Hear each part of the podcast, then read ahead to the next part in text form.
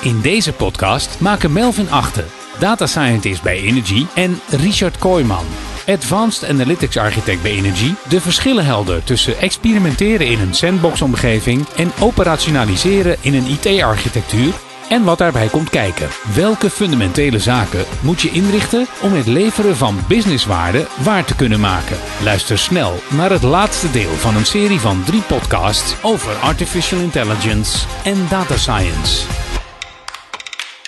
Welkom bij uh, deel 3 van uh, deze podcastserie over uh, artificial intelligence en data science. waarin we het gaan hebben over het onderscheid tussen de experimentfase en de opera operationalisatiefase van een data science oplossing. onderwerpen die, die vaak voorbij komen, die belangrijk zijn om te begrijpen wat de verschillen ertussen zijn. En die ook echt beide nodig hebt om effectief data science oplossingen te kunnen implementeren. Daar gaan we het vandaag over hebben. Ik ben uh, Melvin Achten, data scientist en consultant bij Energy. En dat betekent dat mijn rol met name in het data science proces is het, het ophalen, definiëren van use cases en het ontwikkelen eigenlijk van oplossingen. van data science oplossingen. Maar het in productie brengen daarvan, dat is net niet mijn tak van sport. Daar heb ik, heb ik andere mensen voor nodig. Dus vandaar dat ik een van mijn collega's heb uitgenodigd voor deze podcast. Ja, dankjewel. Uh, mijn naam is uh, Richard Kooijman. Ik ben een, analytics architect bij uh, Energy. Um, en in die rol vaak betrokken geweest bij business intelligence projecten. En tegenwoordig natuurlijk steeds veel meer analytics en AI oplossingen. En ja, wat jij zei, de, dat is een belangrijk aandachtsgebied. hoe ga je data science oplossingen operationaliseren? Um, als ik kijk naar de praktijk, we komen bij veel klanten die uh, zeggen van ja, we, willen data-driven zijn, we willen data science doen. En uh, we hebben een stagiair gehad, die heeft een modelletje gemaakt. En daar zie je het dan ook uh, in de praktijk wel vaak misgaan. Dat men denkt ja, bijna nou ja, automagisch het goud uit de data te kunnen halen. Nou, dat is al niet waar en dat merkt men dan ook wel als de data science aan de gang gaat. Maar daarnaast, uh, ja, als je eenmaal een goed model hebt, dan moet je het ook nog daadwerkelijk kunnen gebruiken. Anders heb je er niet zo heel veel aan. Dan heb je een mooie PowerPoint gemaakt waarin staat: dit kunnen wij uit de data halen. Wij kunnen de churn uh, kunnen we analyseren en bepalen waarom klanten bij ons weggaan. Um, maar ja, je moet het wel terug naar de operatie brengen. Want het is leuk dat je het vandaag weet, deze week of deze maand. Maar eigenlijk wil je het morgen weten, je wil het volgende week weten, je wil het volgende maand ook nog weten. En dat is allemaal afhankelijk van uh, hoe je het model in de operatie zet. En dat is natuurlijk niet goed of fout om te beginnen met, uh, met experimenteren. Sterker nog, ik denk dat dat inderdaad juist goed is om daarmee te beginnen. Hè, als je als organisatie nog geen ervaring hebt met uh, data science oplossingen. Om in ieder geval iemand of meerdere mensen te laten beginnen met, nou ga nou eens kijken inderdaad, wat voor use case kunnen we bedenken, wat zouden we eruit kunnen halen. Ja. maar juist op het moment dat ze dus inderdaad kunnen aantonen dat dat, dat die waarde erin zit en dat die eruit gehaald kan worden, wat dan? dus je hebt, een, je hebt eigenlijk een soort van je hebt een werkend model. En wat dan? Wat is dan de volgende stap? Ja, precies. En uh, het is ook niet verkeerd, hè? precies wat jij zegt van. Uh, uh, als een bedrijf zegt, ja, we gaan een experimentje doen en het maakt me niet zoveel uit hoe dat wordt gedaan of met welke technieken. Zolang je je maar realiseert, ja, wacht even. Als je eenmaal een model hebt en het toont waarde aan, uh, hoe ga je het in de operatie brengen? Besef mhm. je dan ook dat daarna nog een stap komt? Uh, als je iets verder gaat, dan, dan zou je in het begin eigenlijk daar al rekening mee kunnen houden. Als je echt uh, vanaf het begin weet, joh, we gaan onze data analyseren. We willen de churn weten. We willen de optimale prijs van producten weten. Uh, en die ook continu bijstellen. dan kan je op dat moment al gaan nadenken van oké, hoe gaan we dit laten benutten? dat model, dat hebben we, maar dat moet gevoed worden met data. Hoe komt die data daar? Uh, of gaat het model die data ergens ophalen? Uh, dat is ook een belangrijk aspect. En hoe snel moet het antwoord er ook weer, uh, weer zijn? Um, en niet onbelangrijk, het moet ook beheerd gaan worden. Want in die end, het klinkt allemaal heel fancy en mooi. AI en machine learning en modellen. Um, maar in die end is het gewoon een stukje software wat ergens moet draaien en ook beheerd moet worden. Het kan stuk gaan, het moet onderhouden worden, moet worden aangepast. En dan moet je dus ook gaan nadenken over ja, standaards en richtlijnen. Hoe, hoe kijkt onze beheerorganisatie er uh, tegenaan om een service waarin zo'n model staat, uh, om te controleren dat het nog werkt. Uh, en op een iets hoger niveau Ehm, blijft het nog steeds waarde leveren? Ehm, functioneert het model nog wel? Of is onze data dusdanig veranderd eigenlijk in de praktijk? eh, dat het model moet worden bijgesteld, worden bijgeleerd. En hoe ga je dat dan doen? En eh, dan heb je het al inderdaad over de fase waarin je echt iets in productie hebt en wat erbij komt kijken. Ja, Misschien nog één stapje terug. Eh, beginnen met, als je begint met data science, eh, begin je in principe met experimenten, hypotheses. Ehm, eigenlijk ook daar wil je al een soort van standaarden en richtlijnen hanteren. Zeker als je met een team gaat werken. Ja. Eh, dus daar is eigenlijk rondom die experimentfase een omgeving daarvoor inrichten. Ehm, gewoon idealiter natuurlijk in je huidige IT-omgeving en op je, op je dataplatform wat je al hebt. Ehm, is zo'n experimentomgeving is natuurlijk eigenlijk al stap 1. Ja. Zodat je in ieder geval ervoor kunt zorgen dat je eh, werkzaamheden van je data scientist kunt centraliseren. Dat ze gebruik maken van dezelfde tools, eh, dezelfde versie van de tools, dezelfde packages. Dat ze allemaal bij dezelfde data kunnen, dat ze elkaars werk kunnen laten reviewen en delen, et cetera. Ja. Eh, ervoor zorgen dat het werk gewoon niet verloren gaat, simpel gezegd. Ja. Een mooi voorbeeld van zo'n stagiair die dan misschien een supergaaf model heeft gemaakt. Maar zodra die weggaat, dan is, is daarna de vraag van eh, waar is dat model eigenlijk van die eh, stagiair? ja. Ja, geen idee. En, en dat, dat zien we ook wel vaak gebeuren. Dat het, eh, ja, eigenlijk letterlijk wat je zegt, het, het verdwijnt gewoon. Want ja, er, er ligt ergens, eh, ik noem het even een floppy of een USB-stick tegenwoordig. Maar, ehm, maar niemand begrijpt dat eigenlijk meer. En, ehm, dus daar moet je ook over nadenken. Welke eh, software eh, ga je gebruiken? Eh, en nogmaals, hè, het kan best een goed initiatief zijn om het gewoon te experimenteren en zo'n stagiair helemaal los te, te laten. Maar hou er dan ook rekening mee dat het wordt overgedragen. En dat je jezelf als, als bedrijf ook realiseert van ja, dit is een poging. En de poging zelf moet zo goed mogelijk worden gedaan. Dus whatever de, de, de stagiair dan kent, prima, laat hem dat benutten. Eh, maar er komt daarna een fase dat er overdracht moet komen. eh, zodat we dat ja, kunnen borgen binnen de organisatie. En inderdaad, als je dan een stap verder gaat, als je al eh, veel aan softwareontwikkeling doet, dan heeft het ook wel zin om aan te sluiten op programmeertalen waar de rest van de organisatie al mee bekend is. Want precies wat jij zegt, anderen moeten er naar kijken, het moeten, kunnen, moeten het kunnen verifiëren, moeten het kunnen onderhouden, want het is leuk. maar eh, modellen hebben ook de neiging om dingen te gaan voorspellen. En als dat heel goed uitpakt, dan verandert eigenlijk ook je werkelijkheid. Als je op een gegeven moment een model hebt eh, om te bepalen waarom klanten weggaan, en eh, je gaat erop sturen, dus klanten gaan niet meer weg om die redenen die al bekend zijn, ja, dan moet je wel iets met je model misschien wel gaan doen, want er zijn inmiddels andere redenen gekomen waarom klanten weggaan. En daar houdt je model helemaal geen rekening mee, want dat was vroeger totaal niet relevant of niet significant genoeg om mee te spelen. Dus ja, dan moet je ook je model dus weer gaan aanpassen. Ja. Ehm, en dat is wel prettig als iemand anders dat kan overnemen en dat het niet allemaal... eh, eh, nou ja, van die, die ene Rien ergens in de hoek eh, op de afdeling op zijn schouders komt, die alles moet doen en die misschien ook wel binnenkort met pensioen gaat. Nee, dan moet je gewoon beheren. ja, Daar dan komt moet je gewoon beheren, ja. Ja. Precies. Ja, dus, eh, dus als je inderdaad dan van zo'n experiment en zo'n omgeving die je daarvoor hebt, dingen in productie wil of modellen in productie wil gaan brengen, dan komen dus zaak, beheerzaken eigenlijk bij kijken. Ja. Ehm, maar ook gewoon een ander soort criteria natuurlijk. Ook voor de oplossingen en voor de data. Want in een experimentomgeving ehm, hè, is het belangrijk dat je gewoon goed kwalita goede kwalitatieve data hebt. Vaak veel historie. Zeker Ja. als je gewoon een voorspelmodel wil gaan, eh, gaan trainen. Ja.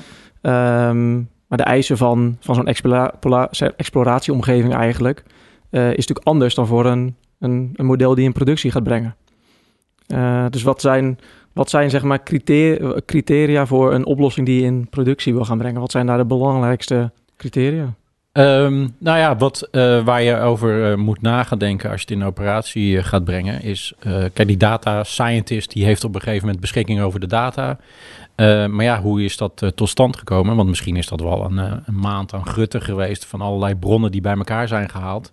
En uiteindelijk heeft de data scientist een, eh, een, een, goede input om te kijken van joh, eh, ik ga mijn experiment hierop inrichten en bepalen wat een goed model zou kunnen zijn. Uh, maar later in de operatie, uh, dan moet je eigenlijk dat kunstje gaan herhalen. En, en iedere dag of iedere minuut. Of nou ja, dat is een belangrijk aspect. Hè. Wat is de tijdigheid, de actualiteit van de data? Wat moet die zijn? Ja.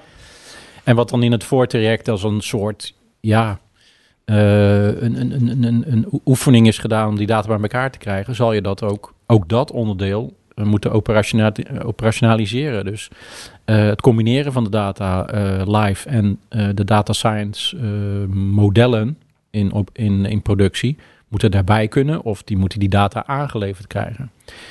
Ehm, en als je dus kijkt naar de casus zelf, uh, dan speelt dus ook een rol um, wanneer de data beschikbaar is. Want moet het model bijvoorbeeld, als ik als klant een order plaats op de site, uh, moet die order nou ja, de volgende vijf minuten alweer verwerkt zijn in het model en gebruikt worden om mij te verleiden tot iets. Ik noem maar wat.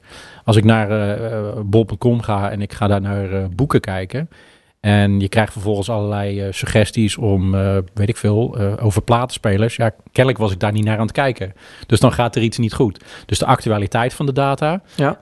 kan heel belangrijk zijn. Waar kijk ik op een bepaald moment naar? Of welke orders plaats ik? En hoe snel moet dat eigenlijk weer terugkomen vanuit het model richting, in dit geval, ja, het teasen van de klant, zal ik maar zeggen. en dat heb je op allerlei vlakken. Um, dus dat noem ik zelf altijd uh, ja, de input latency. Dus uh, hoe, hoe uh, groot kan die zijn? Een ander voorbeeld is, is dat dat ook heel langdurig mag zijn. Dat, dat een model gebruikt kan worden. bijvoorbeeld in een data warehouse omgeving om voorspellingen te maken. Maar één keer per dag. Want ja, hypotheken veranderen niet zo heel veel. Het kan zijn dat ik net een maandtermijn heb betaald. Maar dat gaat niet zo heel veel betekenen over het algemeen is ook weer een aanname en kan ook best een gevaarlijke aanname zijn. Maar meestal zal dat niet zo'n probleem zijn. Vooral als ik niet betaald heb. Nee, dan, uh, nee precies. Nee. Ja, dat is heel erg afhankelijk van de context natuurlijk ook. Ja, van heel veel, ja. business domein waar je mee te maken ja. hebt. Ja. ja. Ja, en als ik kijk naar oplossingen die wij hebben gebouwd, dan zie je daar ook wel verschillen in. Dus sommige dingen die zijn heel actueel in die zin dat er een model ergens staat. En dan moet je als aanroeper van het model, de service waar we het in verpakt hebben, moet je de data meegeven die op dat moment geldig is. Uh, en dat kan er zijn dan de data uh, voor de, die, die de klant betreft, waar je eigenlijk op dat moment over spreekt. Die data stuur je naar het model en die geeft daar een antwoord over terug, een voorspelling of, of een kans of whatever. Um, en dan is dus de, de latency, de, de vertraging is eigenlijk heel erg kort. Maar we hebben ook oplossingen waarbij, wat ik net zei, waarbij voorspellingen en inschattingen worden gemaakt. Gewoon dagelijks, uh, gewoon in de, in de ETL-run. En dan zit er wel een, fancy model achter, maar de, de snelheid daarmee is verder prima. Mm-hmm. Door dat één keer per dag bij te werken. Uh, en het voordeel daarvan is dus ook dat, dat het dan voor alle klanten bijvoorbeeld is bijgewerkt. En als je dan die informatie opvraagt, dan heb je het ook weer instantaan. Want de voorspelling is al gemaakt, is al uitgerekend en is op dat moment actueel genoeg. Ja, het is wel interessant wat, wat ik daaruit haal is dus dat je uh, uh, de verwachting die ik soms herken is dat uh, als je dus met data science aan de slag gaat en je moet dus inderdaad een experiment en een productieomgeving hebben, dat daar natuurlijk komt er wat bij kijken, maar dat het echt volledig iets nieuws en iets losstaand is. Maar het hangt juist ook samen met uh, wat je al hebt staan. Ja. Uh, juist als je al een dat dataplatform hebt staan, juist heel fijn, want dat is juist eigenlijk ook de basis waar je de stromen van jou, zowel het trainen als het, het, het, leveren van output van een voorspelmodel, op kunt laten landen. Dat is wat we eigenlijk zeggen, toch? Ja. Dus, ja. dus als, we, als we daarnaar kijken, stel je hebt een dataplatform, wat moet je dan nog, wat moet je dan nog los daarvan inrichten um, uh, om dus uh, data science oplossingen mogelijk te maken? Ja, dus dan, uh, dan ga je denk ik kijken naar hoe men applicaties deployt in het landschap en hoe je die beschikbaar stelt. Um, veelal zal dat tegenwoordig webservices zijn. Uh, maar ook daar heb je natuurlijk wel weer smaak in. Want je kan, ja, de, de, ene webservice is de andere niet. Vooral ook als je kijkt naar de interfacing. Um, van oudsher zie je nog wel eens uh, SOAP gebruikt worden bijvoorbeeld. Maar het kan best zo zijn dat een klant helemaal gestandaardiseerd is op REST API's. Dus dan ga je ja. daar ook op voortborduren. Um, en het is wel prettig als, als een data scientist daar dus qua data niet alleen rekening mee houdt, maar ook met die interfacing rekening houdt. En dan dus uh, in de standaards en richtlijnen van een bedrijf nou ja, aansluit op de interface technologieën die er al zijn. Um, want het is ook wel prettig als de data scientist niet alleen het model inhoudelijk beoordeelt, maar ook gewoon technisch een eerste slag maakt. Om te kijken van joh, op deze manier voldoet het aan de standaards en richtlijnen van het bedrijf. En op deze manier kan je het aanroepen. Um, ja, want iemand daarna gaat dat niet zo 1, 2, 3 doen, want die, die kent het model ook weer niet. En, en dan, dan zou je iemand anders moeten hebben die de verbinding tussen de buitenwereld en het model gaat maken, dus de interface uh, gaat maken. Ehm, ja, dat lijkt me ook een beetje raar. Dus Ja. ik denk dat de data scientist daar in ieder geval een begin mee moet maken. En daar wel veel eh, mee, eh, met, met anderen over zal schakelen. Dus voor joh, welke interface gaan we hier hanteren? Eh, als we een REST API doen, wat zijn jullie standaarden erin? Hè? Er zijn wat richtlijnen, zou, zou je kunnen zeggen, op het, op het web, hoe je daarmee om wilt gaan. Maar ja, het kan heel flauw zijn dat ook weer in het kader van beheer en, en monitoring, eh, dat er bepaalde elementen in de interface moeten zitten, al is het maar een versienummer of zo, ik noem maar wat. Ehm, ja, dat, dat zou je eigenlijk gelijk mee moeten nemen in je ontwikkeling. Eh, niet zozeer van het model, maar van de interfaces. eh, ja. Precies, ja. Dus het vraagt ook al eigenlijk iets over de samenwerking tussen de data scientist en de eh, beheerders ook van, van applicaties, waar je uiteindelijk of een voorspelling of een andere output van een model wil laten landen. Ja. Zodat je weet hoe, de, hoe dus het, het format eigenlijk van je output eruit moet zien. Ja. Nog even los van de technologie die je nodig hebt om het daar naartoe te brengen, van A naar B. Ehm, ehm, hè, dus, dat, dus als je kijkt naar überhaupt het, het opstarten van een data science project. eh, en dan met name als je al wat verder bent, hè, dus als je wat meer experimenten hebt gedaan, is het dus heel belangrijk dat je dus de, eigenlijk die, die, die operationalisatieslag meeneemt in die context al aan het begin van het opstarten van een project. Zodat je niet zodra je klaar bent met je experiment dat pas gaat nadenken over oh, hoe gaan we dit laten landen in mijn CRM-systeem bijvoorbeeld. ja, klopt. Ja. Eh, dat kan wel, alleen dat kost gewoon ja, onnodig extra veel tijd eigenlijk. Doorlooptijd. Ja, precies. En, Ja. en het- het is in ieder geval iets waar bedrijven vaak geen rekening mee houden. Zo van, oh ja, dat Ja. moet ook nog gebeuren. En dan, eh, dan komt het misschien een beetje nou ja, eh, zwaar op het dak valt het. Eh, ehm, omdat, ja, we hebben toch een model, het werkt toch? Ja, maar de data is niet actueel, het antwoord is niet actueel. Ehm, en eh, we kunnen het niet beheren. Eh, ja, en dan, dan kom je op dat soort aspecten. Ja, en heel flauw hè. Dus als je ook eh, de monitoring van zo'n zo'n model wil doen, Mhm. dan is het wel prettig dat, dat er een health check, noemen we dat dan, wordt opgenomen binnen zo'n model. Zodat een, eh, bijvoorbeeld een netwerkmonitoring systeem aan het model gewoon kan vragen van joh, eh, wat is de status? Eh, ben je nog functioneel up en running? Ehm, zodat binnen ja, eh, het beheer, de beheerorganisatie, eh, gemonitord kan worden van hé, hey, dat ding dat antwoordt niet meer. Nou, dat is, dat is meestal makkelijk. Als hij niet antwoordt, dan is hij stuk. Eh, maar Er moet er in eh, ieder geval iemand gaan rennen als het er moet iemand gaan rennen. Maar wat ook wel kan gebeuren, is dat de software zelf eh, intern als het ware eh, stilstaat. Dus eh, hij reageert wel of je kan wel een koppeling maken met zijn service, maar er komt geen antwoord meer uit. Mhm. Nou, dat zijn allemaal dingen die wel belangrijk zijn. Ehm, en die je wil eh, voorkomen voordat iemand, eh, nou ja, zowel intern of extern, tegen dat probleem aanloopt. En, en foutcodes en whatever, ja. Ja, dus je wil gewoon, hè, daar hadden we het in het begin al even over beheer gewoon van zo'n, van zo'n model in productie. En er zijn meerdere facetten die daarbij komen kijken natuurlijk. Gewoon inderdaad gewoon de, eh, de technologie en de software dat die blijft draaien. Maar Ja. dus ook de performance of de, de performance, lees betrouwbaarheid van, van je voorspelling bijvoorbeeld, die het model levert. Ja, Stel dat dat dus, eh, stel de technologie heb je ingericht en je hebt een data scientist in huis en die heeft een model gebouwd, die brengt in productie. Ehm, maar dan moet het beheerd worden. Stel dat je organisatie die kennis gewoon nog niet in huis heeft om, om dus te beoordelen of de performance van een model nog steeds aan de wensen voldoet. Wat, wat, wat zou je dan adviseren? Of wat, wat moet je daar dan nog aan eh, eventueel mankracht of wat moet je daar überhaupt nog voor inrichten als je die kennis niet in huis hebt? Ehm, ja, als je de kennis niet in huis hebt, wordt het wel lastig. Want je moet natuurlijk wel eh, gaan evalueren van de voorspellingen die eruit komen. eh, snijden die nog hout? Dat, dat blijf je altijd houden. Het wordt denk ik ook lastig om het model zelf dat eh, te laten aangeven. Of er moet een soort betrouwbaarheidscijfer uitkomen. En in het begin, ja, dat model is helemaal getuned. eh, komt daar eh, 99% betrouwbaarheid uit, eh, ik noem maar wat. En op een gegeven moment daalt dat naar 50% of zo. Ja, dan, dan heb je een issue. Dan kennelijk eh, is er in de wereld iets veranderd... waardoor het model tot bepaalde conclusies eh, komt... die niet meer zo hard te maken zijn eigenlijk. Ehm, ja, ook daar zou je natuurlijk een, een, een service voor kunnen maken. Hè? Dus als het model draait, wat je vervolgens ook monitort. Dus dat, eh, nou, dat, die, die, die bevraag je één keer per dag op, weet ik veel. En op een gegeven moment zie je dat percentage dalen. En dat is dan ook weer een alarm van, joh, we moeten daar iets mee doen.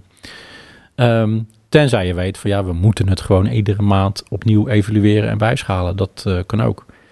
Er zijn ook modellen die on the fly eh, worden bijgewerkt, maar dat vind ik altijd wat tricky, omdat er dan ook ehm, eh, ja, hoe doe je dat dan? Hè? Dus model in productie ga je laten leren, bijleren.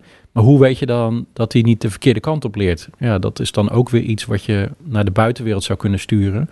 Of zou kunnen opvragen, monitoren. Mhm. eh, om te kijken of dat wel goed gaat. Ja, dus daarom is ook de, zo de, de, zeg maar de feedback of zeg maar het effect wat dus jouw voorspelmodel heeft op keuzes die of medewerkers of klanten maken. Want uiteindelijk probeer je beslissingen natuurlijk te ondersteunen en te beïnvloeden. Ja. Eh, juist de, het effect daarvan, die wil je eigenlijk ook zo goed mogelijk meten. Ja. En dat daar een hele belangrijke slag ligt. Dus je niet alleen nadenkt over wat gaan we voorspellen, maar ook over waarom voorspellen we dit? Waar gaat dit effect op hebben? Eh, en dat wil je eigenlijk ook monitoren. Ja. Dat is denk ik ook een eh, ja, input voor hoe goed werkt mijn model nog voor waar ik hem voor gemaakt heb. Ja, en, en los van, van eh, het feit dat je daar iets voor zou kunnen inbakken in het model zelf en zou kunnen monitoren, Ja. zou ik het, vind ik het wel verstandig, of adviseer ik eigenlijk ook om, nou ja, afhankelijk van, van, van de verandersnelheid in, in de buitenwereld, zou ik maar zeggen, om maandelijks of ieder kwartaal eh, een, een, een toetsing daarbuiten om te doen. Zo van, joh, eh, helemaal eh, op basis van bijvoorbeeld de laatste kwartaal aan voorspellingen van klanten die weglopen, van joh, hoeveel klanten zijn daar nu echt van weggelopen? Ja. Want als het op een gegeven moment heel weinig wordt, ja, en het model is wel continu aan het bijleren, dan gaat er toch iets niet goed. Dan, ja. Dus je wil eigenlijk je model af en toe gewoon even een soort APK-beurt geven om te kijken van hoe Ja. staat hij er nog voor. Ja, precies. Komt ja. ja, eigenlijk nog iets verder dan APK, want eh, daar trappen ze de rem in. En eh, nou ja, als die niet door de vloer gaat, dan is het goed. Ja, precies. en doe je iets er nog. zijn, ja, iets ja. kritischer, ja. ja. Precies, Ja. Iets meer inhoudelijk. Ja, En eh, dus eh, als we even teruggaan naar inderdaad gewoon de samenhang met je dataplatform. En want daar, daar leeft je data, daar komt verse data iedere dag of misschien wel iedere seconde, minuut eh, binnen. ja, Die kun je gebruiken om, je, om naar je model te sturen. ja. Eh, daar heb je dus iets aparts voor nodig, zo'n model service eigenlijk, Ja. waar je model draait. Ja. Eh, die kan dat uiteindelijk, die output daarvan weer terugsturen naar je dataplatform. Eh, en vanuit daar ja, loopt het gewoon met de processen mee zoals je die al hebt lopen in principe naar je applicaties toe. Ja. Dus die model service is echt een apart iets eigenlijk, wat nieuw, nieuw zal zijn voor een organisatie Ja. eh, die er nog geen, geen ervaring mee heeft. Wat zijn daar op technologievlak, zeg maar, wat zijn daar concrete voorbeelden van waar, waar die eh, ja, het meest toegepast worden nu en het, meest, eh, het beste standaardiseren zijn? Ja, wat wij nu veel gebruiken, dat zijn eigenlijk Docker-implementaties. dus waarbij we de, de servers eigenlijk verpakken in een Docker. en ook als geheel, als het ware, als component daarmee in, in de cloud of lokaal of on-premise moet je kijken zeggen, kunt eh, deployen. Ehm, en op zich is dat ook een, een, ja, een heel handige methode. Dat als je nu on-premise begint, kan je ook eh, redelijk makkelijk over naar de cloud. Want dockers zijn ja, cloud onafhankelijk of platform onafhankelijk zou ik moeten zeggen. Ehm, en dus dat is een heel goed middel. En ehm, ook in de cloud zijn, is het deployen en het runnen van dockers ook eh, ja, behoorlijk goedkoop, zal ik maar zeggen. Eh, dus dat is eh, prima te doen.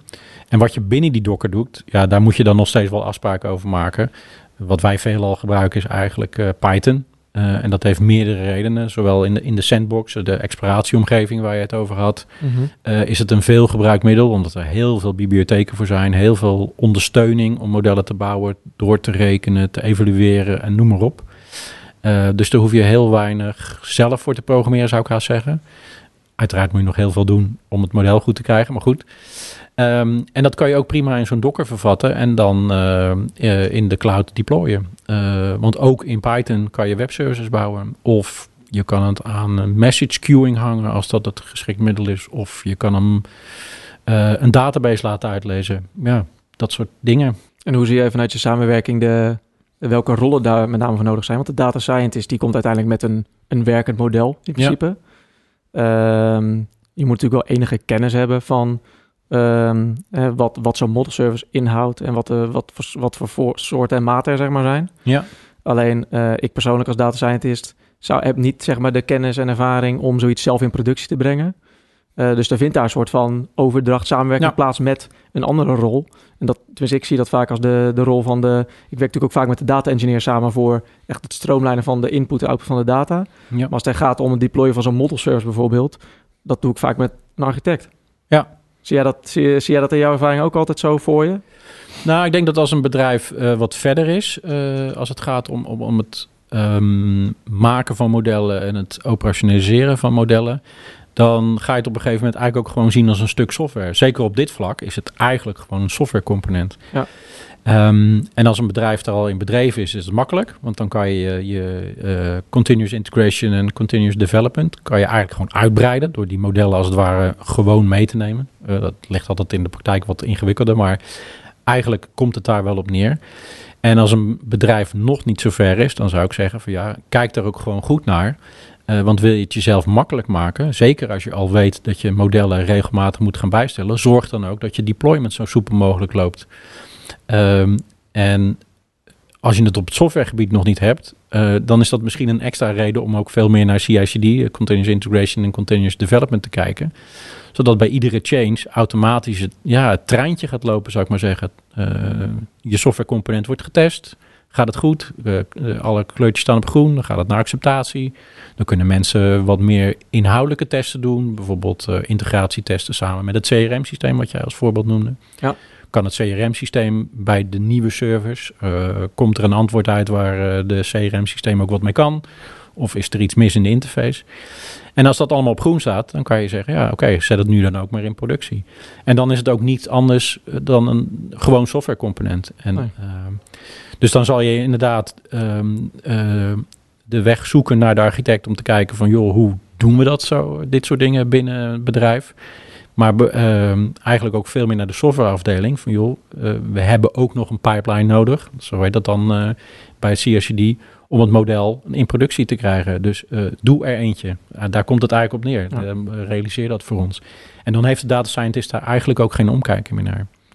En het voordeel daarvan is dus dat je, je hoeft daar niet apart voor specifiek voor data science modellen iets apart voor in te richten.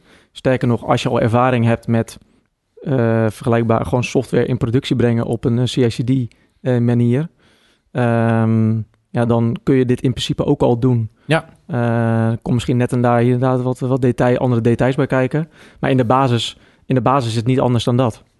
Nee, klopt. Het, het, enige wat je nog wel ziet is dat er een weg uh, gelopen moet worden om uh, ja, testen in te bouwen. Want dat is een belangrijk onderdeel bij CSCD, dat je automatische testen wil hebben. Mm-hmm. En dat is soms voor gewone softwarecomponenten, dan moet ik dan maar eventjes wat makkelijker, want je hebt een service die A en B optelt en dan moet C uitkomen.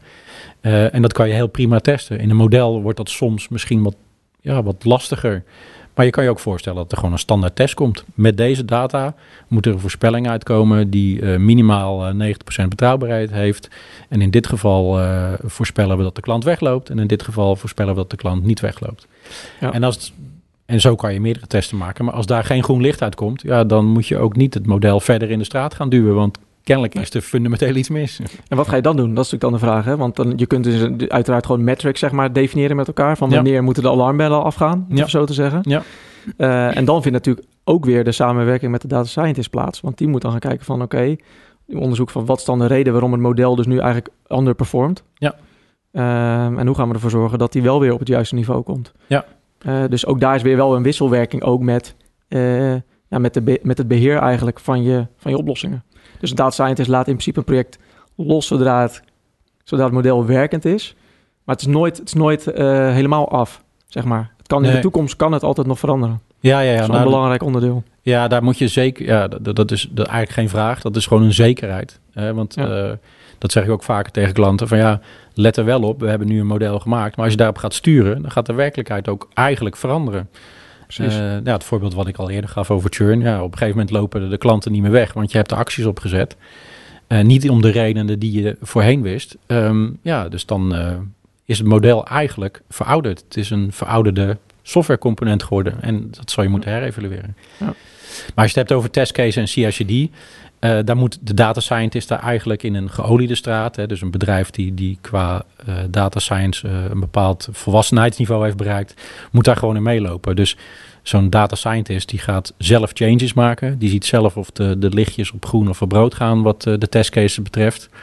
En als ze op rood staan, ja, dan weet de data scientist dat hij ook iets te doen heeft. Dan zit er gewoon een bug in, zou ik maar zeggen. Ja. Dus dat zijn ook gewoon werkprocessen die je met Ja. elkaar moet eh, afstemmen. Ja. ja. En misschien dan nog één eh, andere dimensie, die eh, niet onbelangrijk is, denk ik.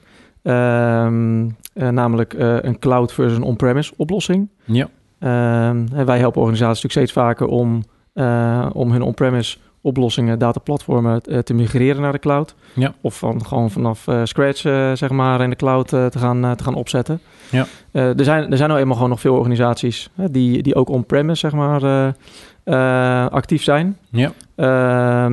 Dus in mijn ervaring, in beide gevallen kun je gewoon aan de slag met data science. Ja. Er, zijn natuurlijk wel, er zijn natuurlijk wel wat verschillen.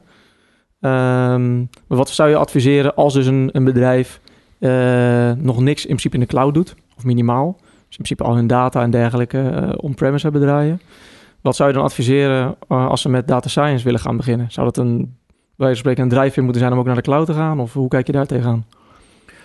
Um, nou, ik denk dat het, het kan best een drijfveer zijn om naar de cloud te gaan, omdat uh, deployment daar heel makkelijk is. Maar dat geldt eigenlijk voor alle softwarecomponenten uh, en niet alleen voor data scientist uh, of data science modellen. Um, uh, is het echt een extra driver om naar de cloud te gaan? Ja, dat vraag ik me af. Hè. Je kan het net zo goed on-premise deployen als uh, in de cloud. Het is wel zo dat uh, de, de Azure's en de Amazons, die gaan wel heel hard. Ook in de, de data science oplossingen. Ja. En hebben dan ook verschillende componenten eigenlijk kant en klaar staan. Um, bij Azure in ieder geval. Uh, je kan daar uh, Azure ML uh, VM's heet dat volgens mij nog steeds. Dus we hebben wat gedaan aan naamgevingsveranderingen. Maar ja. dus als je low, low key wil gaan beginnen, dan is het eigenlijk van bij Azure, joh, klik zo'n ding aan en je hebt een systeem waarop een data scientist aan de gang kan gaan. Of meerdere. Dat is vaak ook een multi-user omgeving natuurlijk. Ja, ja, precies. Dus dat is wel heel erg makkelijk. Dan hoef je daar niet in te investeren. En je zou dat zelfs kunnen gebruiken, ook al ga je dan on-premise deployen. Dat kan ook nog. Ja, en in contrast, als je dus on-premise zo'n omgeving wil gaan inrichten, dat kan natuurlijk ook. Ja. Wat komt daar dan bij kijken? Ja, dan, uh, jij noemde het al eerder de exploratieomgeving, de sandbox-omgeving. Hè? Dus uh, je hebt wel een omgeving nodig waar een, uh, een data scientist of een team van data scientists kan experimenteren. wat wij in onze referentiearchitectuur altijd opnemen, is eigenlijk ook de mogelijkheid om een, ja, noem het maar een speeltuin te maken om data te kunnen gebruiken uit ja, de operatie van het dataplatform. Uiteraard wel afgeschermd, hè, dus dat de data scientist alleen die dingen mogen zien die ze mogen zien. Uh, niet dingen kunnen overschrijven in productie, maar wel de toegang to- daartoe hebben. Um, en dat heeft een hele simpele redenen. Volumes van data die worden steeds groter. En data kopiëren, waar heel veel data scientists uh, een soort voorkeur voor hebben. Dat proberen we altijd af te remmen. Dat lukt niet altijd, maar... Uh, die zeggen Sorry. vaak van joh, Ja. uh, doe mij een Excelletje of een CSV'tje waar alle data in zit. En dan zeggen wij, ja weet je, als we dat gaan doen en je wil het over een maand hebben, dan heb je het over een miljard uh, rijen. Hoe ga je daarmee om? Zou je niet beter je query gewoon op het dataplatform kunnen stellen en daar je aggregatie of je klantkenmerken kunnen samenstellen? Ja. Daar staat de data al. Dan hoef je het niet te transporteren en daarna al het werk te gaan doen. Uh, dus dat is soms nog wel eens een uh, slag die gewonnen moet worden.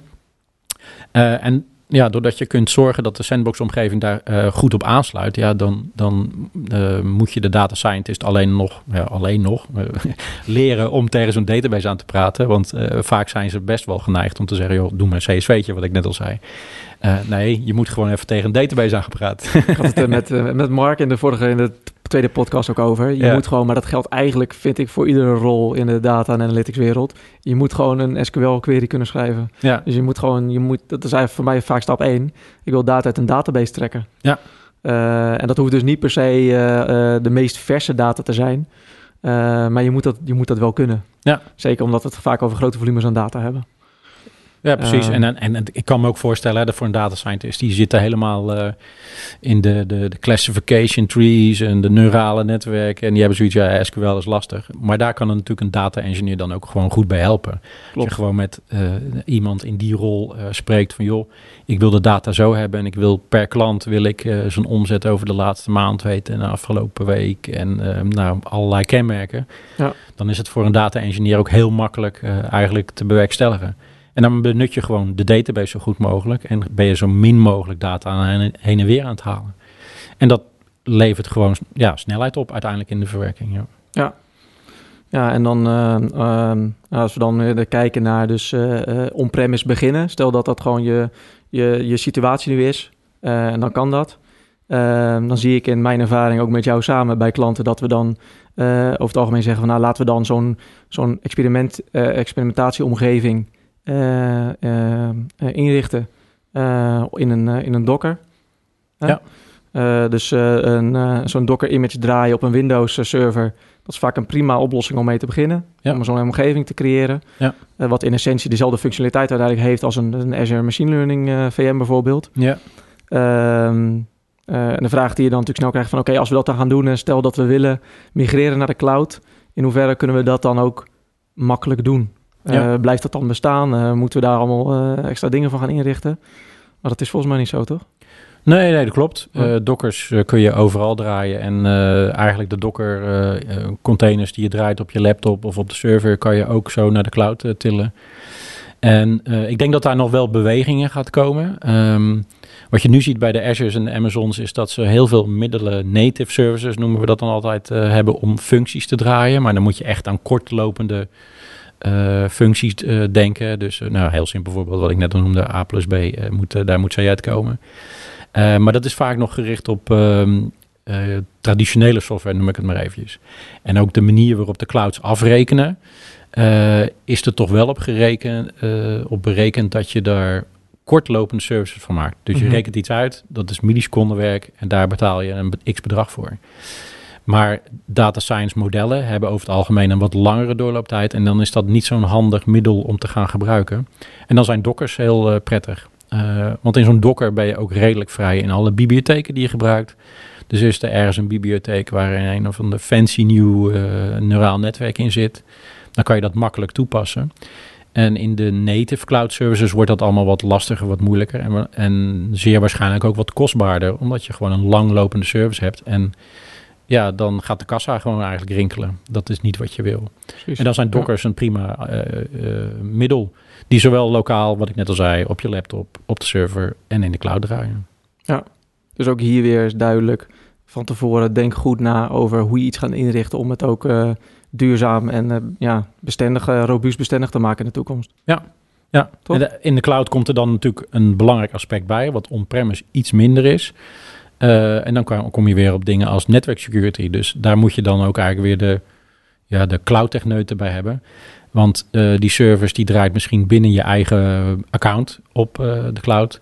Maar misschien moet die ook wel via internet beschikbaar zijn. Ja, en dat doe je niet door zo'n zo'n docker direct aan het internet te hangen. Dan krijg je weer allerlei gateways, firewalls en dat soort dingen. Ja, daar heeft een data scientist natuurlijk geen kaas van gegeten. En dan kom je op het traditionele deployen binnen de cloud eigenlijk terecht. En de, de netwerk engineers die daarvoor voor moeten waken dat het ook eh, afgeschermd is. Duidelijk. Dus ook hier wordt alleen maar weer duidelijk hoe belangrijk het is dat, dat, je, dus al die, dat je dus meerdere disciplines nodig hebt. Ja. Eh, data science is eigenlijk één onderdeel zeg maar, van, een, van een groter geheel. eh, die je wel gezamenlijk moet gaan inrichten en van tevoren over na moet denken. Wil je, er echt, wil je dus echt data gedreven worden met, ja, met data science oplossingen? Ja, en ik Ehm. zou ook zeggen dat de data scientist is eigenlijk een software engineer die van hele speciale softwarecomponenten heel veel weet. Maar eigenlijk ook ja, gewoon eh, een software engineer is. En een software engineer moet ook eh, samenwerken met architecten, netwerkbeheerders en dat soort Het is eh, een rol in een bepaald proces en die Ja. hangt met andere rollen samen. Ja. ja. Oké. Ehm, ja, zijn, er, zijn er nog elementen waarvan je zegt van ja, die heb ik echt, die, die moet ik nog even, even kwijt. Die zijn belangrijk om te benoemen. We hebben volgens mij heel veel belangrijke takken al geraakt. Ja, nee, ik, eh, eh, dan maken we gewoon weer een nieuwe podcast, zou ik zeggen. Maar Dat volgens mij eh, is dit onderwerp ja. voor op dit moment eh, diepgravend genoeg behandeld. Ja. Ja, nou mooi. Nou, concluderend dan denk ik. Hè, dus wat we eigenlijk hiermee zeggen is...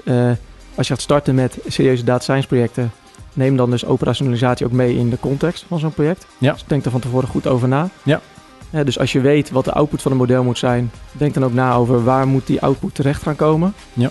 Hoe ziet de, de IT, eh, hoe ziet het IT-landschap eruit? Hoe kan ik dat daarmee gaan integreren? Ja. En dan nou, kort samenvattend, als we terugkijken naar de eerste, de eerste twee podcasts ook. En we zijn in de eerste podcast begonnen met ehm, gewoon even de, de scene zetten van wat is, wat is AI en data science nou eigenlijk? Wat kun je ermee? Wat zijn concrete voorbeelden? Echt ook vanuit de businesswaarde perspectief, waar het uiteindelijk natuurlijk allemaal om gaat. Eh, het is natuurlijk een middel om, dat, om een, om een doel- bepaald doel te bereiken binnen je organisatie. Eh, in de tweede podcast ben ik met Mark natuurlijk wat meer ingegaan op hoe belangrijk het is eh, dat een data scientist en een engineer goed samenwerken. Ja. Omdat de engineer uiteindelijk de basis, het fundament legt en creëert voor een data scientist om goed zijn werk te kunnen doen. Ja. En als dan uiteindelijk iets in productie moet komen, dan heeft hij, heeft hij ook gewoon hard een architect nodig. Omdat uiteindelijk wel iets moet gaan, gaan leven Ja. in, de, in het IT-landschap. Ja. Dus eh, die verschillende disciplines die zijn gewoon heel hard nodig. Ja, dat is volgens mij eh, de, de conclusie van onze, van onze podcast ook nu weer. Ja, ja, wat ik al zei, ik denk dat een data scientist eigenlijk een software engineer is die van bepaalde gebieden heel veel weet en van bepaalde gebieden heel weinig. Maar net als alle software engineers. Ja. Ik ga direct, Ik ga nog eh, wel wat mensen tegen het hoofd stoten, denk ik, als ik dit zeg, vooral de data scientist. Ik maar- ga direct even op mijn LinkedIn zetten, denk ik. Dat ik eigenlijk gewoon een software engineer ben. Ja. Die zichzelf data scientist noemt. nee, super. Dankjewel eh Richard voor, Ja. dit, eh, voor deze leuke podcast. Ja, jij ook bedankt. Graag gedaan.